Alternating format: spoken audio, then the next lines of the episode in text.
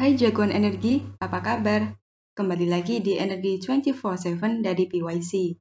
Kali ini bersama saya Vivit akan membawakan warta seputar energi selama sepekan terakhir. Let's check it out.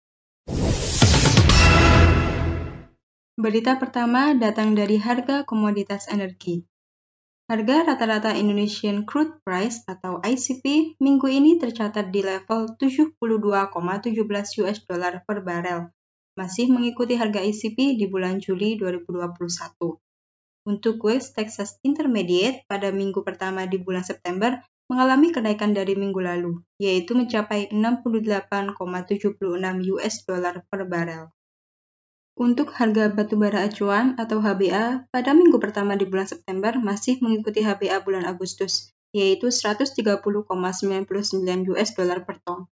Untuk Newcastle Coal Price dalam satu minggu terakhir naik menjadi 174,6 US dollar per ton. Berita selanjutnya datang dari sektor migas.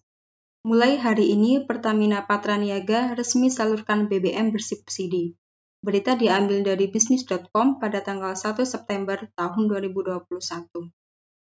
Badan Pengatur Hilir Minyak dan Gas Bumi atau BPH Migas menyerahkan perubahan surat keputusan penerima penugasan PT Pertamina Persero kepada PT Pertamina Patraniaga selaku pelaksana penugasan penyediaan dan pendistribusian jenis BBM tertentu atau JBT dan jenis BBM khusus penugasan atau JBKP tahun 2018 sampai dengan 2022. Kepala BPH Migas Erika Retnowati berharap agar Pertamina Patraniaga dapat melaksanakan penugasan dengan baik dan menjaga agar penyediaan dan pendistribusian JPT dan JPKP dapat tepat sasaran. BPH Migas menyatakan bahwa sejak diberlakukannya penugasan selama lima tahun ini, tiap tahun BPH Migas tetap memberikan kuota kepada badan usaha penugasan hingga ke penyalur. Pada 2021, PT Pertamina Persero diberikan penugasan penyediaan dan pendistribusian untuk JPT minyak solar sebesar 15.580.040 kL dan untuk JBT minyak tanah sebesar 500.000 kL. Sedangkan untuk JBKP atau premium kepada Pertamina diberikan kuota penugasan sebesar 10 juta kiloliter. Berita selanjutnya. Perdana, PGN salurkan gas bumi ke Pertamina RU 6 Balongan. Berita diakses dari liputan6.com pada tanggal 27 Agustus 2021. PT PGN menyalurkan energi gas bumi Pertamina Refinery Unit atau RU 6 Balongan. Penyaluran itu ditandai dengan pembukaan penyaluran gas pada metering station gas di RU 6 Balongan. PGN dan PT Kilang Pertamina Internasional telah mendatangani perjanjian jual beli gas untuk RU6 Balongan pada 30 Juli 2021 dengan volume penyaluran gas sebesar 10 billion British Thermal Unit per day atau BBTUD dan selanjutnya meningkat menjadi 27 BBTUD mulai November 2021. Adapun untuk volume penyaluran pada 2022 hingga 2023 sebesar 30 BBTUD. Pemanfaatan gas bumi untuk RU Balongan menjadi wujud komitmen PGN dalam menghadirkan energi gas bumi dalam mendukung pemenuhan kebutuhan gas untuk sektor kilang, serta memberikan nilai tambah untuk meningkatkan utilitas gas bumi dan efisiensi biaya operasi di kilang Pertamina karena mengurangi pemakaian energi lain sebagai bahan bakar di kilang Balongan dan pemanfaatan energi berbasis gas yang lebih ramah lingkungan. Berita selanjutnya datang dari sektor minerba. Produksi batubara PTBA tembus 13,3 juta semester 1 2021. Berita diambil dari CNBC Indonesia 1 September 2021. PT Bukit Asam atau PTBA mencatat total produksi batubara selama semester 1 2021 mencapai 13,3 juta ton dengan penjualan sebanyak 12,9 juta ton. Sementara itu, PTBA menargetkan kenaikan volume produksi batubara dari 25 juta ton pada 2020 menjadi 30 juta ton pada 2021. Kinerja semester 1 2021 PTBA juga terbilang moncer. Laba bersih dari PTBA tercatat senilai 1,77 triliun rupiah.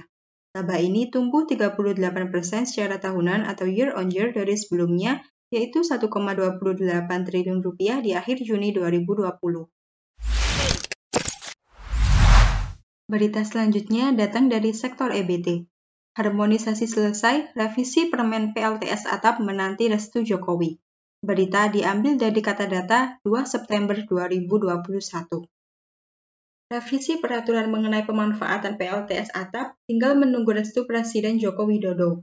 Revisi Peraturan Menteri ESDM Nomor 49 Tahun 2018 tentang penggunaan PLTS atap diharapkan bisa menggairahkan minat masyarakat untuk memasang pembangkit ini di atap rumahnya.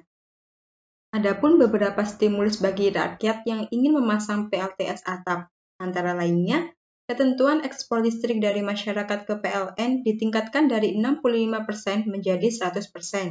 Jangka waktu kelebihan listrik masyarakat di PLN diperpanjang dari 3 bulan menjadi 6 bulan, serta waktu permohonan PLTS atap dipersingkat menjadi 5 hingga 12 hari. Selain itu, mekanisme pelayanan berbasis aplikasi untuk kemudahan penyampaian permohonan, pelaporan, dan pengawasan program PLTS atap Kemudian, dibukanya peluang perdagangan karbon dari PLTS atap, serta tersedianya pusat pengaduan PLTS atap bagi masyarakat.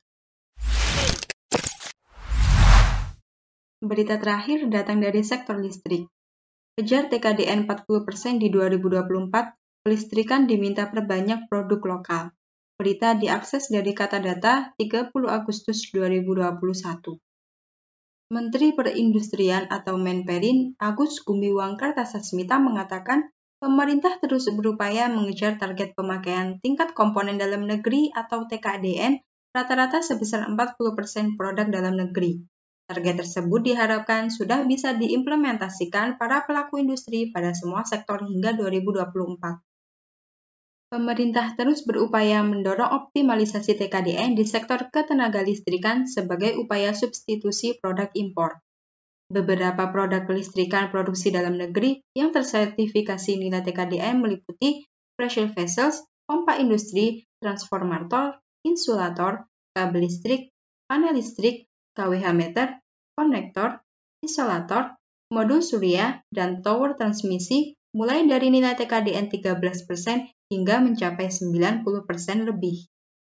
Guna mewujudkan TKDN di sektor ketenaga listrikan, maka akan sangat dibutuhkan sinergi, dukungan, dan keterbukaan dari semua pemangku kepentingan. Keterlibatan industri dalam negeri sebagai mitra kerja dalam proyek ketenaga listrikan diharapkan bisa berjalan optimal dan sesuai dengan kondisi dan kapabilitas industri terkini. Sekian Energy 24/7 minggu ini. Jangan lupa untuk subscribe channel YouTube PYC dan follow semua akun sosial PYC. Stay safe and see you next week.